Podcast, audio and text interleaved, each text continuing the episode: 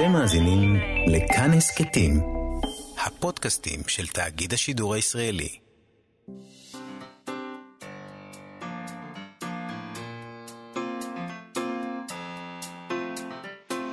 מה שכרוך עם יובל אביבי ומה יעשה לה. שלום, צהריים טובים, אנחנו מאיה סלע ויובל אביבי ומה שכרוך, מגזין הספרות היומי של כאן תרבות, 104.9 ו-105.3 FM. איתנו באולפן איתי סופרין ויוג'י גבאי שעושים איתנו את התוכנית. שלום לכם ושלום לך, מאיה סלע. שלום יובל אביבי, אנחנו נדבר היום עם אילי גרין שלנו, צייד הספרים, אה, שהיום אני חושבת שספר לנו על הרפתקה באיזה דירה... שהיו בה יותר מדי חתולים. אה, ובאופן עקרוני, אני חושבת שנדבר איתו קצת על אה, איך אה, לא להתנהג אל ספרים, או איך כן להחזיק ספרים. תלוי אם אתה רוצה להיות חיובי או שלילי, אם אתה מהמדינות האדומות או מהמדינות הכחולות, הכל תלוי. רוצה, אנחנו נדבר איתו על ספרים הרוסים בעצם, ואני רוצה לשאול אותו, האם, כאספן, כאספן? כי אתה, לא אני. אה, חשבתי שאתה. לא, אוקיי. הוא. כשהוא מגיע, לא רק, כשהוא, וגם כסוחר אולי, כשהוא מגיע למקום שיש בו את הספרים הכי נפלאים שאפשר להעלות על הדעת, דברים ששווים המון כסף, ושיש להם ערך רגשי עמוק, אבל הם במצב מזעזע, כי לא שמרו עליהם. אז הם? לא שווים כלום. לא. חבל. הם לא שווים כלום, אז הם, אה, מה, זה, זה ממוטט נראה לי. זה, זה קשה מאוד. לא, זה לא ממוטט. כמו שאמרת, הוא סוחר, אז אולי... ממוטט זה לא, לא, זה לא. אבל הוא איש רגיש, אל תגידי. בסדר, אז בוא נשאל אותו אם יש לו רגשות. אנחנו נדבר גם עם גיל ססובר שלנו, שיזכיר לנו עוד ספר שראוי לזכור ולא לשכוח. היום נדבר על ג'ון אפדייק, אה, הוא ידבר עליו. אה, אבל לפני זה קצת חדשות אופטימיות משוק הספרים העולמי. אה, שנמצא כמו שוק הספרים המקומי במשבר קורונה, עמוק מאוד. בגרדיאן מדווחים על חנות ספרים אינטרנטית חדשה שמנסה להתחרות בענקית הקמעונאות אמזון, צעד נועז ונהדר. אני מעיזה לומר. הם מכריזים על זה כרגע מהפכני בהיסטוריה של מכירת ספרים. אה, מדובר על אה, חלופה, מה שהם קוראים מודעות חברתית לאמזון, שתאפשר לקוראים לרכוש ספרים ברשת, תוך תמיכה בחנויות הספרים העצמאיות המקומיות. זאת אומרת, אתה רוצה ללכת לחנות הספרים שמתחת לבית שלך, אבל היא סגורה בגלל הקורונה, אז אתה יכול דרך הפלטפורמה הזאתי לקנות דווקא ממנה. כבר הייתה השקה מוצלחת לחנות uh, הזאתי, לפלטפורמה הזאת, לאתר, אני לא יודע, יש כל מיני שמות כאלה, פלטפורמה, אני לא יודע מה... פלטפורמה, בסדר. Uh, בארצות הברית זה כבר פועל מינואר, ועכשיו היא מתרחבת לבריטניה. היא הייתה אמורה להגיע לבריטניה רק ב-2021 או 2022, אבל המייסדים ראו את ההצלחה ואת הצורך הגדול בה בארצות הברית, והם כבר קיבלו פניות מכל מיני אה, אנשים בתעשיית הספרות בבריטניה, ואמרו להם, תבואו, תבואו, תבואו, תקדימו את ההשקה, והם עשו זאת. ואולי אפילו יום אחד היא תגיע לישראל. החנות הזאת הוקמה על ידי הכותב ואחד ממייסדי האתר ליטררי האב, אנדי הנטר. היא מאפשרת לכל חנות עצמאית ליצור לעצמה חנות וירטואלית בפלטפורמה ידידותית. אה, ידידותית למשתמש, זה משהו כנראה לא, שלא קשה להפעיל. אה, גם אה, נותנת לך אחוזים גבוהים יחסית מהתשלום. שירות הלקוחות והמשלוח מבוצע עבורם על ידי האתר, זה בטח חוסך הרבה. הם, הם גם מפתים את הקוראים עם הנחות קטנות וזמן משלוח קצר. אז האתר בארצות הברית הושק בינואר, והוא מהר מאוד הפך לשחקן משמעותי בהתמודדות של שוק הספרים האמריקאי עם, אה, עם משבר הקורונה. הוא אמר על זה, פתאום עשינו מלא עסקים, זה נשמע יותר טוב באנגלית, a lot of business, אבל אה, הם התחילו שם עם 250 חנויות. ועכשיו יש שם 900 חנויות עצמאיות כבר שרשומות uh, לפלטפורמה הזאת בארצות הברית. מפברואר לאפריל הם שילשו את המכירות, ביוני הם כבר מכרו במיליון דולר בחודש. בסך הכל, מאז שזה פועל, החנויות העצמאיות בארצות הברית הכניסו לכיסן 7 מיליון וחצי דולרים בזמן, בזמן הפעילות של הדבר הזה, מאז ינואר. בבריטניה כבר נרשמו לחנות הזאת, לפלטפורמה הזאת, 130 חנויות אה, עצמאיות, ועשרות אה, נוספות צפויות להיכנס בחודשיים הקרובים. הנטר uh, סיפר לגרדיאן שאלה היו חודשים אינטנסיביים מאוד, אבל שהכל שווה את זה בזכות מכתבים שהוא מקבל, כמו שילמתם לנו את שכר הדירה החודש, או בזכותכם יש לעובדים שלי ביטוח בריאות השנה, שהם כמובן קיבל מבעלי חנות, חנויות עצמאיות, שהיו סגורות בקורונה, והיו יכולות להתמוטט בזמן הזה, אם לא היה להם אותו. כן. אחד מחוקי התאגיד הזה הוא שהוא לעולם לא יוכל להימכר לקמעונאי אמריקאי גדול, כולל אמזון, כמובן. שהפעילות המסיבית שלה בשוק הספרים שחקה מאוד את הרווחים של החנויות העצמאיות וגם של אה, רשתות הספרים הגדולות, יש לציין.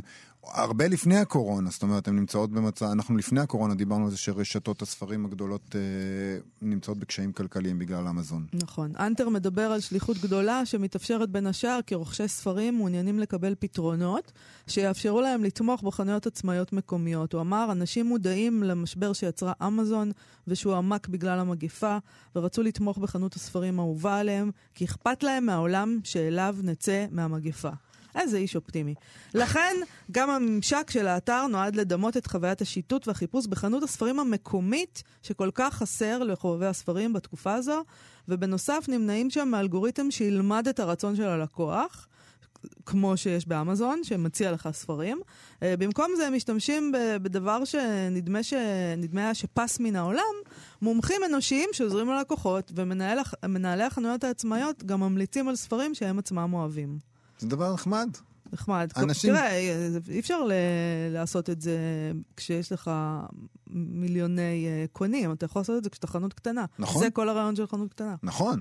זה, הם מנסים כאילו לשחזר את החוויה של חנות קטנה ומקומית ברשת הגדולה וה... אני אוהבת את זה שהם לא לומדים אותך. כן, נכון, זה מאוד נחמד. לא, גם יש את הקטע הזה שכאילו אתה, אתה פונה לחנות ואומר, אני אוהב סתם את ג'ון אפטייק. ואז אומרים לך, אה, אוקיי, אז תשמע, בוא, יש לנו עוד כמה דברים להמליץ לך. זה נחמד שמישהו אנושי עושה את זה, ולא מכונה. אה, מה, בישראל זה יקרה לדעתך? יש פה כל כך מעט אה, חנויות ספרים עצמאיות, נותרו כל כך מעט אה, חנויות ספרים עצמאיות, אפילו אם כוללים בהם את חנויות היד שנייה, אני לא בטוח אם מגיעות למספר שזה כלכלי בשביל אה, יוזמות כאלה אה, לפתוח זרוע בישראל, אה, אבל אפשר לקוות, לא? אולי זה יקרה. אתה מוזמן לקוות.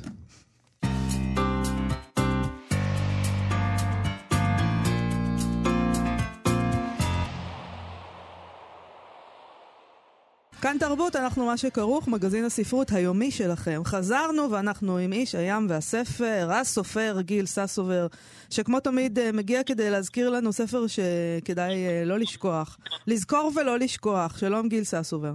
וברכה. אנחנו מדברים היום על ג'ון אפדייק, אבל uh, שפן חוזר באופן ספציפי, נכון? ספר mm-hmm. שיצא בהוצאת זמורה ביטן ב-1987 ותרגם חיים איזק. כדאי לומר, למה ג'ון אפדייק?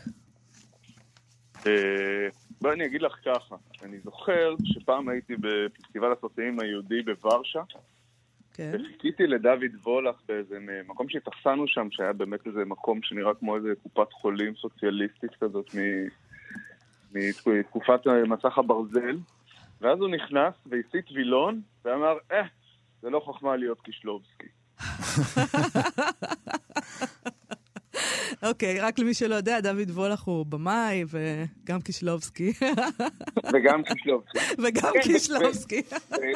וקישלובסקי הוא מן הסתם פולני, והכל אצלו, אה, בגלל האור, זה כמעט לא משנה מה אתה עושה, הכל נראה קודר.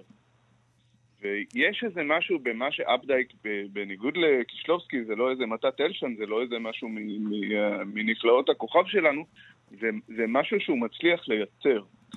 והשאלה שאני שאלתי את עצמי, גם תוך כדי הקריאה וגם אחרי, ולא הצלחתי להגיע לתשובה, זה למה הוא עושה את זה? זאת אומרת, האם, האם הוא סופר ממורמר, אדם ממורמר בעצמו, או שזה באמת ביקורת על החברה האמריקאית? אה, אני, אני ממש לא הצלחתי להגיע... לא הגעת למסקנה?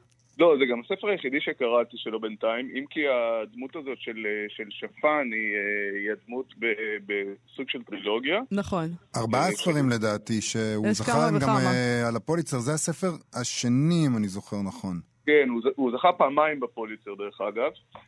הוא לא איזה מישהו לא מוכר, אבל הוא גם לא הפך להיות איזה המינגווי או איזה קונארד או איזה כאילו איזה ענק בין ענקים. לא, אפדייק הוא סופר גדול של האמריקאים, אל תמיד. שהוא ביליסט? מה, באמת. אני, אני, אני רק, אני, אני פשוט נפעמתי כש, כשהתחלתי לקרוא את זה. יותר, יותר מכל סופר אחר, אני חושב שהוא הזכיר לי את uh, ג'יימס ג'ונס, עם מעתה ועד עולם, שזה באמת uh, קלאסיקה, איזה uh, יצירת פאר. ואני חושב, אם יש לכם את הקטע ש, שסימנתי של... שבייב מנגנת שם, כן. אם אפשר להקריא את זה, ואז איכשהו נוכל להיכנס לתוך... בבקשה, יובל, קטע אחד. כן, הקטע הראשון. אז ככה. בייב נהפכה למסילת ברזל, לראש שזיף מיובש שמקפץ מעלה מטה, מערכת תכשיטיה הכחולים בורקת, מנגינותיה מתגלגלות דרך מקומות מוכי טירוף, דרך מנהרות, צרירים ומרחבים מפולשים של צליל חד וצורם ללא שינוי, המזה את דמו השמיימה, וכולו עוצמה עגומה ואושר מרופט כמו סוליות נעליים. מן הכוכים האפלים סביב נשמעים קולות מלמום, מלמול. המשיכי בייב ועוד בייב עוד. בני התשחורת דקי הרגליים כהחבישים, כעכבישים שבחדר הסמוך עומדים כמאובנים סביב שולחן הלבד הירוק, ועכשיו היא מתחילה לשיר לתוך הרמקול, שאינו גדול יותר מסוכריה על מקל. היא שרה בקול שאינו כלל כל אישה וכל גבר, שאינו אלא קול אנושי. מילים של קהלת, עת ללדת ועת למות, עת להשליך אבנים ועת לכנוס אבנים. כן, סוף דברו של אלוהים. כל השאר הבל הבלים, באמת. השירה גואה, מתעצמת, מטילה אימתה על שפן בעוצמת לואה, שחור פולט האמת, אך ממלאת אותו משוש על היותו פה, אה, להיותו פה. הוא מלא עד בלי די חדווה על שהוא פה, יחד עם השחורים הללו, רוצה הוא לקרוא בעד אופל קולה של בייב, את דבר האהבה אל האח הזעף, בעל הזקנקן והמשקפיים. תשוקה זו שופעת בו, אך אינה עולה על גדותיה, כי בייב מפסיקה עכשיו משירתה. משל עייפה פתאום ונעלבה. היא חדלה לשיר ומושכת בכתפיה ועומדת. כך דרכה של בייב לנגן. אז מה קראת פה? מה, מה, מה אתה רואה פה? קודם כל, בסצנה הזאת ש, שהתחילה לפני איזה עידן ועידנים והיא ממשיכה, לדעתי, אני לא יודע, זה משהו 30 או 50 עמודים, יש איזה משהו שכבר לא עושים יותר. וגם את זה שאלתי את עצמי. אני זוכר שיש את השאלה הפילוסופית הזאת על תפקידה של האומנות, אה, או, או בעיקר של הציור, אחרי, אחרי, אחרי המצלמה. כן. ו, וזה קצת אותו דבר, זאת אומרת, האם, האם עוד לגיטימי ל, ל, ל, למרוח במרכאות אה, דיאלוג טוב כמה שלא יהיה על משך של חצי שעה או של שעה קריאה? והתשובה היא כמובן שכשזה טוב אז זה טוב, כן? אה, אבל יש בזה, זה הזכיר לי יותר, יותר מכל את הדיאלוג של מעתה ועד עולם של, ה, של החיילים שם בבית בושת ב, ביום אחרי שהם מקבלים את המשכורת. ואתה פשוט מרגיש שאתה, שאתה הולך לשם, והסצנה הזאת שמתחילה שם בנגינה המופלאה של בייב, שהיא שחורה כמובן, אה, נגמרת בזה ש, ששפן לוקח משם איזה ילדה אבודה בת 18 שברחה עם הפורש מהמשפחה העשירה שלה. ושפן והיא מוצאים את עצמם באמבטיה, ואני חושב שזה אחת מסצנות הסקס הכי עצובות, אתה ממש קורא את זה בדמעות, ש, שקראתי או, או ראיתי בחיי, וככה כל הדמויות. עכשיו, זה מין ספר כזה שכולם אנטי גיבורים, אבל, אבל כולם אמיצים, וכולם עומדים על רגליים, רגליים אחוריות, וכולם מאוד מאוד שלמים עם ההחלטות שלהם, והמבחר של הדמויות, יש שם איזה דמות של... של איזה ישו אחד שחור שהוא ספק סוחר סמים, ספק באמת משוגע, או ספק באמת משיח, ויש שם איזה קטע בסוף שלא ברור אם, אם הוא אה, אנס או רצח, או את, את, את אותה, את ג'יל, את הילדונת הזאת שמגיעה עם שפן לאמבטיה. ו, וקצת כמו במאמי דרך אגב, אה, מה, אופרת הרוק מאמי? אופרת הרוק מאמי, כן. הוא ממש מרגיש שהוא נוקם את נקמתו של העם השחור בלבנה הצעירה התמימה הזאת, שהיא באמת, אין, היא אחת הדמויות הכי אבודות והכי יפות שנתקלתי בה אי בספרות. אה, וככה כל הספר הזה, והוא פשוט, הוא קורע לב, אה? אתה, אתה, זה לא רק אבל שהוא קורע לב, הוא קורע את המסכה מעל אמריקה והוא שם אותה נמוך נמוך בביבים ואתה, יש לי תחושה שאתה אוהב את זה, אתה אוהב גם את הסגנון הזה וגם את העיסוק הזה ב... בשולי החברה נקרא לזה. אני, אני, אין לי שום בעיה עם שולי החברה. אז נגיד שעושה את זה ז'אן ז'נה, וזה עולם של הומוסקסואלים ועבריינים ובתי כלא וזונות ממין זכר, אז, אז כאילו יש בזה משהו מאוד טריוויאלי. אבל שזה הופך להיות פתאום אמריקה של הכבישים ושל השבי ושל הבורגרים ושל איזה אה, יווני אקזוטי אה, אה, מהגר, ש, שכמובן הופך להיות מאהב, אני, אני לא כל כך בטוח, כי, כי זאת... כי זה יותר קרוב. זה, זה ברור שיש משהו, ואנחנו באחד הימים ההיסטוריים הגדולים, כמובן לפני כמה דקות נאם טראמפ את uh, נאום ה... Uh, כן, בוא נפסיק את ספירת הקולות כי לא ניצחתי. כן. Uh, יש, לא, בוא יש נפסיק, משהו... או שבוא נפסיק כי ניצחתי. למה לספור אם כבר ניצחתי בדיוק. בעצם? מה העניין? יותר, יותר מדויק. אז, אז, אז כמובן זה כמו אצלנו משהו... דרך אגב, זה הבחירות האחרונות, אחרי זה כבר לא צריך. מי אמר את זה? עיין ערך ה... כן, הפינה הקודמת. כן. אני, אני רק אומר שזה ברור שיש משהו מעוות וחולני באמריקה, אבל אני לא זוכר שאפילו נגיד מעתה ועד עולם, כן, שמדובר שם על סקופילד, על המחנה האמריקאי הזה בהוואי, דקה לפני פרל ארבור, אז, אז יש ביקורת על המעמדות, ועל זה שחייל לא יכול להיות קצין, ועל... יש ביקורת על אמריקה, אבל אני לא חושב שהיא עד כדי כך נוקבת. זאת אומרת, כאן זה ממש נדמה שמישהו נכנס לתוך צנצנת ומרסס, וכולם מתים. זאת אומרת, אין דמות אחת שמעבר ליופי שלה אה, מצליחה לשרוד את זה, וזה עוד, עוד יותר קיצוני מאשר אצל אה, עמדו בים המוות. כולם מובסים, ואתה באמת שואל, לא יכול להיות שזאת אמריקה. זאת אומרת, יש בה, צריך להיות בה איזה, איזה חן ואיזה חסד ואיזה כאילו משהו מעבר, ל... כי הוא, הוא ממש מתאר שם זוועה.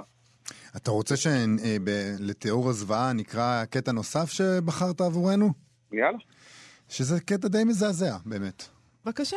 בוא יאללה, נשמע. בואו, בוא, קטעים מזעזעים על אמריקה, זה לחם חוקנו. כן, אבל זה לפחות אמריקה על אמריקה, זה כמו שיהודי יכול לקרוא ליהודי אחר יהודון, כן? נכון. הנה הקטע הזה, על אמריקה. שפן סוגר היטב את הדלת בחדר השינה, ובקול חרישי ורועד הוא אומר לג'יל, את הופכת את הילד לפושט יד ולזונה כמוך. ולאחר שהוא ממתין שנייה לערעורה על הקדרוג, הוא מעיף סטירה על פניה הרזות טעונות הבוז, על פניה בעלת, בעלות השפתיים הצנועתיות, תנוענתיות, והעיניים הירוקות, הטבולות בקדרות סוררת מעין עלבות עצים. יבשה שמאחוריה מסתתרת הומה ומהומה, יער מיקרוסקופי שהוא מתאווה לפוצצו. הסתירה דומה עליו כמכה על פלסטיק. היא דוקרת את אצבעותיו, אינה מטיבה. הוא סותר לה שנית, הוא חופן את שערה בגון הבשר בידו כדי להחזיק בפניה יפה יפה. הוא חש בקרבו חימה קרה כשהיא קורסת ומנסה להשתמט מלפניו, ולמחרים מכה בעורפה ומניח לה לצנוח אל המיטה. ג'יל משוחחת על פניה, ובתוך כך היא מנשפת כנגדו נישוף משונה דרך שיניה הקטנות הנטויות פנימה, עד שהיא פולטת את המילים הראשונות. יש בהן מן השקט ומן העליונות. אתה יודע למה עשית את זה. אתה פשוט רצית להכאיב לי, זה הכל. אתה פשוט רצית את הסיפוק הזה. לא מזיז לך זין שאני ונלסון הולכים לפשוט יד. מה זה אכפת לך אם מישהו מקבץ נדבות או לא? אם מישהו גונב או לא? איזו ריקנות שבקרבו עונה על, שאלות, על שאלותיה, אך היא ממשיכה. מה כבר עשו בשבילך החוקים שהמציאו החזירים? הם רק הכניסו אותך לעבודה מלוכלכת והפכו אותך לאפס חדל אישים שאפילו לא מסוגל להחזיק באשתו האידיוטית. אני אוהבת את התרגום הזה גם. כן, נהדר, נהדר. הוא כאילו ארכאי, אבל הוא לא, הוא פשוט טוב. נכון, זה מה שאני אוהבת בו, שלא מתרגמים כבר ככה היום לא. בדרך כלל. לא, גם לא, כאילו גם לא מדברים ככה. כן. לא, אבל כאילו בתר, בתר, בתרגומים היום אני שמה לב שהרבה פעמים יש לי תחושה שמוותרים, מוותרים עלינו, כאילו, אומרים לנו, טוב. הם לא, הכל לא, זה גנרי כזה, אתה לא שומע את הלשון. הם לא יבינו, הם לא יבינו. הם לא יבינו את זה, בואו נעשה את זה קל בשבילם. אה, אבל זה לא רק השפה, התרגום לפי דעתי גם שומר על איזה קצב. קצב אה, תזזיתי, ושכביכול מאוד מתאים לדמיון שלנו, שלי הפרובינציאלי בוודאי, של העולמות האלה, של המוזיקה ושל, ה... ושל הכבישים האלה שאתה מתאר, ושל ההמבורגר. אמריקה הזאת שהיא לא ניו יורק, ו... והיא לא הדברים הזוהרים של הוליווד. ולפחות בדמיון שלי יש פה איזה קצב בדרך שבה הוא כותב ובדרך שהתרגום מצליח להעביר את זה, שמאוד מאוד הולם את הדבר הזה. אז אני חושב שכן, שבזה הוא מאוד מאוד אמריקאי, נגיד, בניגוד לז'אן ז'נה או, או לאמדו או כל מיני כאלה, וכן הוא ב, אה, ב, ממשיך דרכו של המגווי, נגיד, כאילו, אבל הדרך שהוא חותך אותך, שהוא מוותר אותך, זה... הייתה לי איזו תחושה קצת שכמו לאונרדו דה וינצ'י, הוא פשוט היה גונב גופות ומוותר אותם בשביל, בשביל להבין אה, יותר לעומק את נפש האדם. פשוט אה, הוא, הוא כאילו מספר לך על מה שהוא גילה במחשכים, ומוציא את האמת הזאת לאור יום, ו, ואני הרבה הרבה הרבה זמן לא נתקלתי בספר שהוא כל כך מרגש. גיל ססובר. עד דוב דם.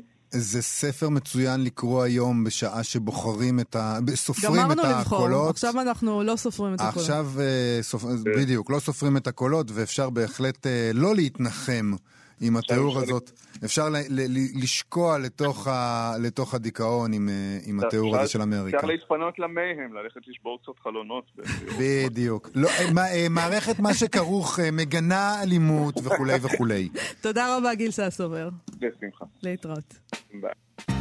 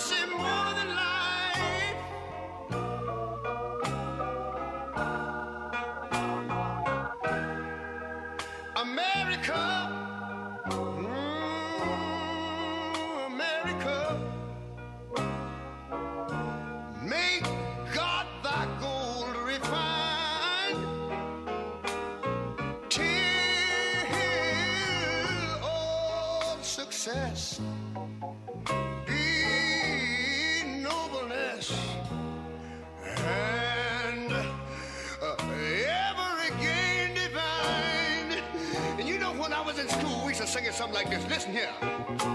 Oh, beautiful, far spacious skies, far amber waves of grain,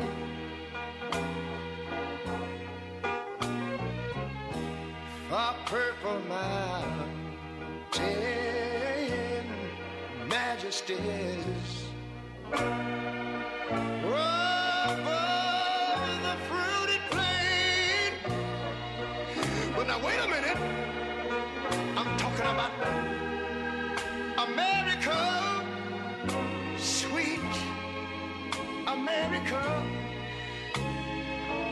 You know, God done shed his grace on thee.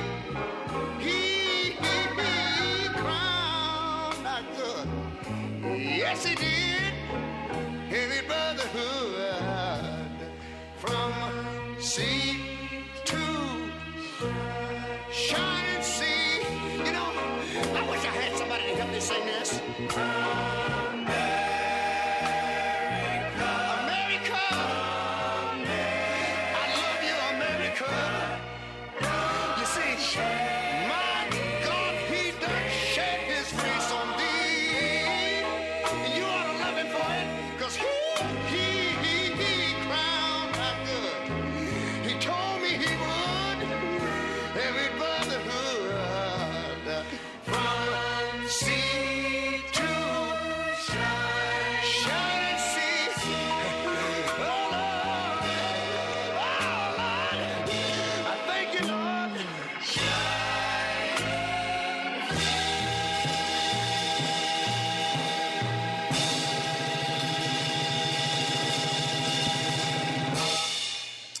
אנחנו כאן תרבות, מאיה סלע ויובל אביבי, מה שכרוך, חזרנו אליכם, זה היה ריי uh, צ'ארלס עם אמריקה the Beautiful. נשאלנו בפייסבוק התוכנית מי תרגם את הספר שדיברנו עליו עם גיל ססובר. אנחנו דיברנו על הספר שפן חוזר של ג'ון אפדייק, אפדייק, ההמשך של רות שפן, אחד ההמשכים של רות שפן, מי שתרגם אותו זה חיים איזק בהוצאת זמורה ביטן בשנת 1987. ועכשיו אנחנו עוברים אל צייד הספרים, אילי גרין, מחנות הספרים המשומשים האחים גרין. הוא תמיד uh, מספר לנו על העולם המשונה קצת של uh, אספנות הספרים ואספנות בכלל, והיום לא רק uh, עולם משונה, אלא גם עולם מתסכל, ואולי מתסכל. אולי טיפה מסריח אפילו. מסריח, רקוב, לעוס. שלום, מה- אילי מה- גרין. מה קורה שם אצלכם, אילי? אהלן, אהלן, שלום. מה, מה, מה קרה? מה, מה קורה? מה, אה, ספרים לפעמים אה, זה יכול להיות דבר מלכלך, אה, או דבר מלוכלך. לא, אבל. דיברנו על זה פעם, שספרים, יש אבק וכל הדבר הזה. אגב, המסכות עכשיו של הקורונה זה יופי של דבר אה, כן, למצבים האלה. בקניות זה מציל אותי היום. זהו, אז פתאום אתה יכול לבוא עם מסכה ולא לראות אה, מפחיד, זה אפילו נכון. הגיוני. אבל, נכון. אבל יש אה, דברים, אני מבינה שאתה מתעסק פה כרגע בקנייה שהמצב היה חמור ממש. היה, הייתה קנייה עם מצב אה, לא נורמלי. אז בוא ספר. ספר לנו עליה. לא כן, נורמלי אה, זה אנחנו. בדרך כלל כשאנחנו אה, מדברים על מזיקי ספרים, זה, מדברים על אה, חיות קטנות שאנחנו לא רואים, בין אם זה, אולי רואים את זה הכי גדול זה אש, כן. או תולעת ספרים, או כל מיני דגי כסף למיניהם, אבל הפעם אה, המזיקים היו חתולים. אה, זה כמה חיה כזו חתולים? שהיא בדרך כלל חמודה. איך הם יכולים להזיק לספרים? יש לי חתולה, והיא הם לא מגרדים את נוגעת. השדרה ככה עם לא, ה... החתולה שלי לא מתקרבת לספרים. לא עשיתי שום דבר בשביל זה, פשוט, למה שהיא תתעניין? החתולה, החתולה שלי פעם, כשהייתה יותר צעירה, אכלה לי צ'ק. אז אוקיי, יש חתולים אינטלקטואלים שאוהבים יותר Mm. זהו, החתולה שלי יכול להיות. שהיא אנאלפביתית פשוט. יכול להיות יש חתולים שאוהבים לשבת על עיתון ולקרוא עיתון, יש חתולים שאוהבים אה, לקרוא- לקרוא ספרים. אז תספר, קודם כל, כל כך הרבה, כן. אתה אומר חתולים, כמה חתולים? שניים, שלושה, מה מה הלך שם? 80, 80 חתולים. די, בחייך. בדירה אחת סגורה, ללא אפשרות כאילו? לצאת. אתה יודע זה בוודאות? מה שנאמר לי, אני לא, שם- לא ספרתי, אם, הם היו, אם הם היו אה, במקום ולא זזים, אולי הייתי מצליח לספור, אבל ברגע שהם אה, בצורה, אבל זה מאוד קשה. הם היו שם? הם היו שם חתולים כשהיית בדירה? היו 80 חתולים. כן, הייתי בדירה הזו כבר בעבר, אה, ועכשיו אה, זו דירה לפינוי, אבל... אה, איזה כן, יופי. רגע, דירה של אלף, על 1,500 מטר מרובע כזה, או כשיהיה להם לכל אחד הייתי מקום? אומר שיש- 60 ל-80, איך יש להם מקום? איך אין לא... להם מקום, יובל, זה לא, הפרעה. מה איתך? אבל איך. החתולים סובלים את זה? זאת אומרת, הם לא חיה שאוהבת תחרות, חתולים. אה, הם- הוציאו את כל האגרסיות על הספרים, אה. ואיך שזה היה נראה. ובאמת זה כאילו, השורות התחתונות של הספרייה היו בלתי ניתנות לזיהוי, לא לא יכולנו לדעת מה רגע, הספר שם. ואני רוצה להבין, כשהזמינו אותך לדירה הזאת, אז בעצם, מה הם חשבו, שאתה תיקח את הספרים הנוראים האלה, שנראים ככה, אה, ותשקם זה אותם? כבר זה כבר היה בסיטואציה של אה, פינוי הדירה, אז אה, מי שהביא אותנו לא כל כך ידע מה, מה יש לעשות עם הספרים, אבל באמת שמתוך אה, המאה אחוז של הספרים, במזל 20 אחוז היו ניתנים להצלה. ראית אז אז שם, מה שצריך זה לזרוק לפח, אם הם שואלים את עצמם זה מה לעשות עם זה. לגמרי לפח. ראית שם, אבל אה, עברת על זה בכלל? ראית אוצרות שחבל מאוד שזה זהו באמת, מצבם? בקומות למטה, בין אם זה שתן או בין אם זה בציפורניים של חתול, פשוט לא היה ניתן להבין מה הספרים, גם לא כל כך היה חשק לגעת בהם. וואו, אלוהים, אה. יש לך מקצוע מסובך? לפעמים. כן. לפעמים זה יכול להיות קל יותר. זה תלוי רגע, אבל היה. משהו שהיה שווה בשבילו לבוא? כאילו, הייתה מציאה כלשהי שם? אה, בגדול היו קצת מציאות, אבל אה, היה הרבה יותר תסכול. כלומר, אה, הפוטנציאל שם היה פוטנציאל מאוד גדול. חבל, ו- אתה ציל... תגיד את. האמת, אני, אני יודעת, אנחנו, אני אגיד למאזינים שלנו, אנחנו לא שואלים אותך של מי הדירה והכל, כי אמרת לנו מראש שלא תגיד, אז שלא יחשבו שאנחנו סתם, אבל האם לעצמך, אל תראה לי לעולם, אבל צילמת את מה שראית שם? לא. חבל. לא, לא, לא, לא, לא, לא. זה. דברים שהולכים איתנו לקבר. אתה אומר, אתה לא צריך לצלם, אתה מתעורר מדי פעם בזעקה רק שהאימג'ים האלה. צרובים לך בקרנית. תגיד, אני רציתי לשאול אותך, בתור, אתה לא רק, אתה לא רק סוחר, אני מכיר אותך, אני יודע שיש לך רגשות, ושאתה קצת אספן בעצמך, ושאתה, ואני רוצה לדעת, אתה יודע מה? בשני הכובעים, גם כסוחר וגם כאספן בעל רגשות. אתה מגיע לדירה כזאת ואתה רואה דברים באמת כאילו, מה שאתה מצליח לזהות כראוי, אבל אתה אומר לעצמך, אה, אה, במצב שצריך לזרוק אותו לפח. איך אתה מרגיש? אה, איך אתה מרגיש? איך זה, איך זה, זה גורם לך פעמים- איפה זה? פוגש איפה זה אותך? פוגש איפה אותך? זה פוגש אותי? אה, זה, זה סוג של אה, צביטה בלב, זה קצת כמו לתת לי להחזיק משהו ממש שווה. אנשים עושים את זה הרבה פעמים, באים, אה, אני בא אליהם הביתה ואומרים, אני אראה לך משהו ואתה לא יכול לקנות את זה. זה כזה משפט שהכי מעצבן אותי. בוא אני אסובב את הסכין רגע. כן, אז גם ככה זה כזה, הגעתי עד לאיזשהו מקום, לרוב באמת, 80% מהקניות שאנחנו מגיעים זה ספרים סטנדרטיים, זה ספרים שהם, כמו שאתה אומר, אה, כבר הרגע שלי נהיה כהלם, זה פשוט הפך להיות אה, ספרים שהם סחורה, אבל לפעמים יש את הדברים שהם מרגשים להחזיק, סיפרנו פה לאורך השנים כבר בהמון דברים כאלה. נכון. אז לפגוש במשהו כזה שהוא לא ראוי למכירה, או באמת מתפרק לי ביד, או באמת לא ניתן לשחזר אותו, או בכלל אה, לעשות איתו משהו טוב, זה, זה באמת עצוב. והיו כאלה בדירה הזאת? מתסכלת. זאת אומרת, היו המון. כאלה ב- המון. בדירה שהחזקת ביד ואמרת, זה דבר נהדר ונדיר. ל- כן. הוא לא, אי אפשר היה לראות. אני רוצה כן, לשאול עוד כן. שאלה שלא קשורה לספרים, אבל אני חייבת, זה עניין כן. הומניטרי. מה- מה עשו עם 80 החתולים האלה?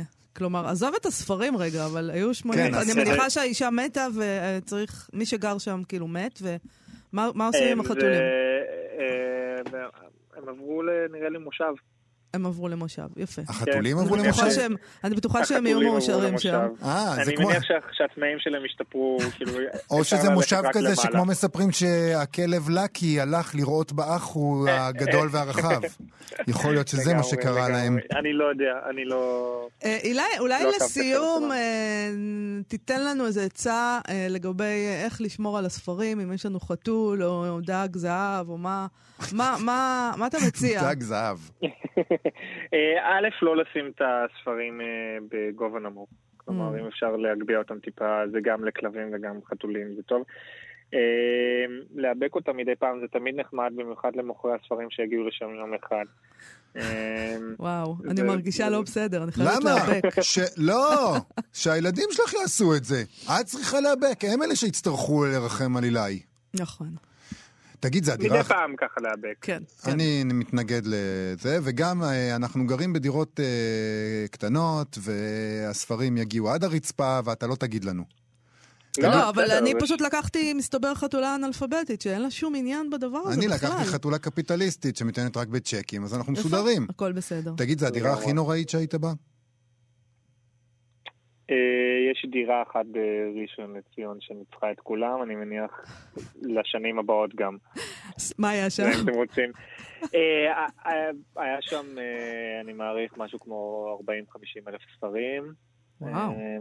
שחלקם משנות ה-40-50 לא נגעו בהם, ואש, מכת אש, כאילו, אני לא יודע אם אי פעם ראיתם ספר מתפורר, מרוב שהיו בו תולעים ואש. אוי ואבוי. זה ממש, אה, זה נוצר סוג של אה, חול, אבק, שברגע שמראים את הספר כן. הוא נופל מהשדרה שלו.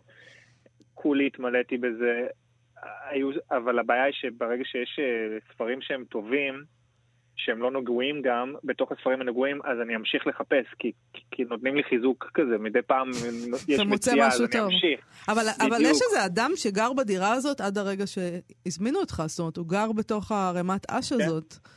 כן, זה... כן, יש אנשים שגרים... וואו. אה, אה, תשמעו, זה אין מה לעשות, זה החיים, ואנשים לא תמיד גרים בבית מצוחצח ומתוקתק. לא, אבל זה כבר הפרעה. הפרעה מעניינת. אה, אה, אספנות, בכלל, אגרנות כפייתית, 40-50 לא אלף. ספרים זה כבר מצביע על... גם אה, 80 חתולים. גם 80 אולי, חתולים. אולי, אולי, לכאורה, לכאורה. אני לא רוצה. חתולים. לא, כשאתה לא יודע לעצור, גם בעניין ספרים וגם בעניין חתולים, כשאתה לא יודע לעצור ב-40 נגיד, זאת בעיה.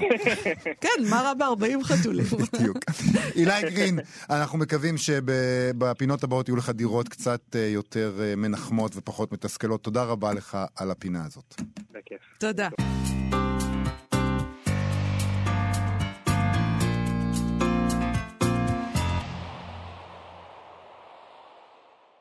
זה עכשיו השלב של המאניה או של הדיפרסיה? אה, אנחנו עוד לא יודעים, אנחנו עוד לא קיבלנו את התוצאות אמת. אנחנו נדע בקרוב. הקטע הוא שאחרי שיתקבלו תוצאות האמת ויגיע מחר, עדיין נצטרך לבחור בין מאניה או דיפרסיה כל יום. כל יום. לא, יש גם מצב מאוזן. לא. אתה לא חייב להיות זהו. במאניה או בדיפרסיה, אתה יכול להיות ש- אדם במצב מאוזן. יש הרבה אין. אנשים כאלה. לא, יש, עכשיו אין. יש. אין. ודאי שיש. בודהיסטים כאלה שמבינים שהכל משתנה והכל זז וחיים עם זה ומקבלים את זה, שהכל אחד. שהכל אחד. כן. פינת ביקורת הביקורת שלנו נקרא היום מביקורת שכתב גילטבט במוסף ספרים של הארץ על הספר עדיין על האופניים של חנוך מרמרי, ספר המשך לספרו מלפני כ-15 שנים על האופניים. אה, טבת כותב כך, ספרו הקודם של חנוך מרמרי השפיע עליי עמוקות. בתקופה שבה פורסם התחלתי את מסעותיי הרכובים. תחושות, מראות וריחות שקראתי אצלו התערבלו עם מה שעבר אצלי ברגליים, בעיניים ובאף. אנשים נוסעים לנפולי בעקבות הרומנים הנפוליטנים של אלנה פרנטה. יש הלוקחים את סיפור על אהבה וחושך, או מיכאל שלי של עמוס עוז, לשיטוטים בירושלים. להודי, להודו נהוג היה לארוז את הודו יומן דרכים של עזריאל קרליבך, ואילו אני, לרכיבות השבת, יצאתי עם פנימית רזרבית ופסקאות מתוכה לאופניים. הוא כותב שהספר הנוכחי הוא יצירה בעלת אופי מעט אחר ומאתגרת בהרבה לקריאה, עם יותר זרמי תודעה ופחות תודעת שירות. אולי בגלל גילו של מרמרי, שלפי טבת גורם לכך שלספר מצורף הפעם שעון עצר עצום, שמתקתק אל הרגע שבו לא יוכל יותר המחבר לעשות את מה שהוא הכי אוהב כל כך. את, סליחה, את מה שהוא אוהב כל כך. לכן זהו גם ספר מתח, לעתים מורט עצבים. כן, לא, זה קשה. בן אדם עושה משהו, איזה ספורט אה, מלא מלא מלא שנים, ופתאום הוא רואה שזה אני כבר לא לא יודעת, אני זה. ראיתי לאחרונה איזה סרט אה, שבו, אה, גם כתבה איתה, אבל גם באיזה סרט ראיתי איזה אה, יהודי בן, לדעתי קרוב ל-90, שהוא מטפס עדיין על מצוקים והרים, בקלילות של עז כזאת מקפצת. כן. אמרתי לעצמי, נכון שרובנו לא ככה, אבל וואלה. תראי. בג'יוג'יצו אנחנו נאחזים בדמותו של מי שהמציא את הג'יוג'יצו הברזילאי הליו גרייסי, שעשה ג'יוג'יצו עד גיל 91 ופירק לאנשים את הצורה. אז אתה אומר, יש לי עוד כמה שנים טובות לעשות את זה. בבקשה. תשמעי, אה, גיל טבת אומר שהרכיבות של מרמרי תופסות מקום נרחב למדי בספר, אך הקריאה עליהן קשה ולא מתגמלת. בדומה לרכיבה במעבר הרים אלפיני מכוסה ענן עיקש. יש כאן יותר מדי טעויות ניווט לא מטאפוריות וקשיי הת- התמצאות נטולי אלגוריה. הרבה שמות של כפרים ונערות וגובהם מעל פני הים. מחשבוני הניווט והספורט מדדים מקום, זמן, מהירות, הספק, שיפוע, טמפרטורה, והפיתוי לכרות את כל המידע הוא גדול. האמת היא שאת הביקורת הזאת כדאי לקרוא בעיקר בשביל לקרוא על המחשבות של גיל טבת, על הרכיבה שלו עצמו ועל חייו שלו כרוכב אופניים אה, חובב, שקצת מעריץ את מרמרי. אה, למשל, הוא כותב, אני נזכר ברכיבות שלי ברמות מנשה, בין גבעת הרקפות לקיבוץ דליה, מתפתל כביש יפה ותלול. בעבודות לשדרוגו נעקרו מחזירי אור ישנים, עיני חתול, וחדשים ננעצו במקומם. בעלייה אין אוויר להמשיך ולפטפט עם יורם השותף, שתכף יישמט. נותר רק ללחוץ ולספור מחזירי אור ישנים שהקבלן זרק לתעלה. אחד חדש על הכביש, אחד ישן לתעלה, חדש על הכביש, ישן לתעלה, ככה לאורך חמישה קילומטרים, שבוע אחר שבוע. התרשמתי שרוכבי אופניים למרחקים ארוכים וכמוהם רצים, נוטים להאמין כי בעסקה כלולות בריאות איתנה והכנה לחיי נצח. העושר וההתעלות שמזרימים אתגרים פיזיים אדירים משחררים אל הגוף, ומשם דוך לנפש ולתודעה, חיזוקים כימיים לאמ- לאמונות האלה. אולי הם בכלל מחוללים אותן. אומר לעצמו הבן אדם, אוגוסט, 35 מעלות בצל. סיימתי חמש שעות רכיבה, 125 קילומטרים עם כמה עליות תלולות במיוחד. מה יכול עליי? אבל ההזיות האנדרופיניות הללו מאפיינות בני 40 עד 50 שמקעקעים על עצמם ועל האוטו הישגים ספורטיביים, יובל. אני רוצה להגיד שלי זה עושה, בדיוק זה עושה חשק לקרוא את הספר. כמובן. אני לא רוכב מה אופניים. זאת עושה חשק לקרוא? זה לא עושה לך חשק לרכוב על אופניים? לא, זה עושה אה, לי חשק לעשות ג'ו-ג'יצו, מה... הבנתי. אני, לא רוכב אופניים. מה שמאפיין לדעתי אנשים שאובססיביים לספורט מסוים, יהיה מובן למי שאובססיבי לספורט אחר. זה, ניואנסים. אני מזדהה עם הכל. אני מזדהה עם הכל. יפה מאוד. אז uh, אני אביא לך את הספר.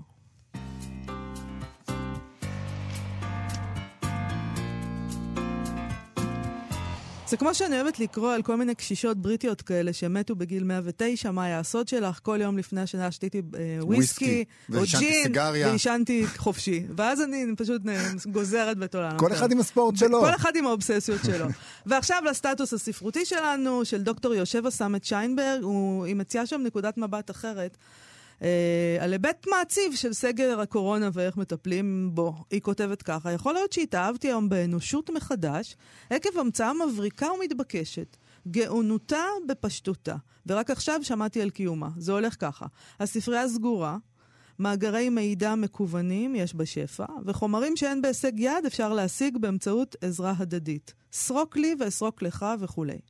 אבל בעיה אחת עוד לא הצליחו לפתור, כלומר הצליחו, אבל אני שמעתי על זה רק היום. הצורך באנשים. אנשים סתם, לא חברים. לא שיחות קפה וארוחות צהריים, רק נוף אנושי. אנשים כניצבים. מעולם לא נתתי לעצמי דין וחשבון על הצורך להיות מוקפת בבני אדם בספרייה, גם בשעה שאני כותבת בקדחתנות או קוראת עורכת טקסט. לא ידעתי כמה אני זקוקה לצווארים הרכונים של היושבים לפניי, לנקישות המקלדת שממלאות את החלל, להנחות התסכול של בעלי הרעיונות המסרבים להיחלץ מהראש לנייר, או אפילו ללעיסות המסטיק העצבניות של השכנה משמאל ולמשיכות האף של ההוא מימין. לא הבנתי אף פעם כמה הישיבה המשותפת עם כמה עשרות אנשים שותקים, מתדלקת את הכתיבה ושומרת על מתח יצירתי. ומשנעלמו מחיי הניצבים הללו, אני מתקשה מאוד לעמוד במשימות של כתיבה שדורשות כובד ראש. אבל היום גיליתי שיש קבוצת זום של מאות חוקרים שפועלת במשך כל היום. אנשים נכנסים, משתיקים מיקרופון ופשוט יושבים וכותבים. אפס דיבורים, אפס אינטראקציה, רק מאות אנשים רכונים על הספרים, על המחשב, שומרים על מתח יצירתי ביחד, מפגינים חריצות מחייבת. עזבו חיסונים, עזבו טיפולים רפואיים, עזבו מלוניות ושאר התארגנויות ויוזמות. האנושות מבחינתי ניצחה כבר את הקורונה. זה מזעזע. זה פשוט נפלא. מזעזע. אני מתה על זה. קודם כל, אם כל כך חסר הלעיסות uh, מסטיק ומשיכות האף של השכן ממול, למה הם משתיקים את המיקרופון? שיעשו את זה, שיקחו את זה לקצה, שלא ישתיקו את המיקרופון, שיקחו את החוויה עד הסוף, עם כל העצבים שהזולת הוא הגיהנום וכולי וכולי. אבל זה באמת מזעזע. באיזה מובן זה מזעזע אותך? שהם פשוט יושבים מול זום של מלא אנשים שהם לא מכירים, כי חסר להם הנוף של הספרייה, שיש שם מלא מלא שולחנות שאנשים יושבים אז רכונים. מה מזעזע בזה? פשוט חסר. תשמעו- כשאתה בא, כשבאת אה, פה לבניין, לא. אה, זה מה לא היה? חסר לך שיהיו בו אנשים? חסר. כן, אבל אני לא הולך בואו, לקפוץ אנשים. קבוצ- קבוצת זום. לא, כדי אני דווקא חושבת שזה מאוד חמוד. יהפוך ל... לא, זה... זה... אני אגיד לך משהו, ה- רגע, יש משהו אה, כמיזנטרופ, כן?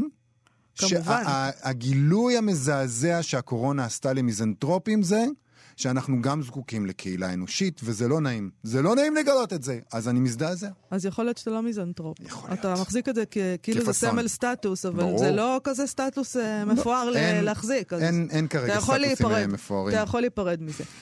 אה, נסיים עם כמה המלצות. כן, כרגיל בימי רביעי, המלצות.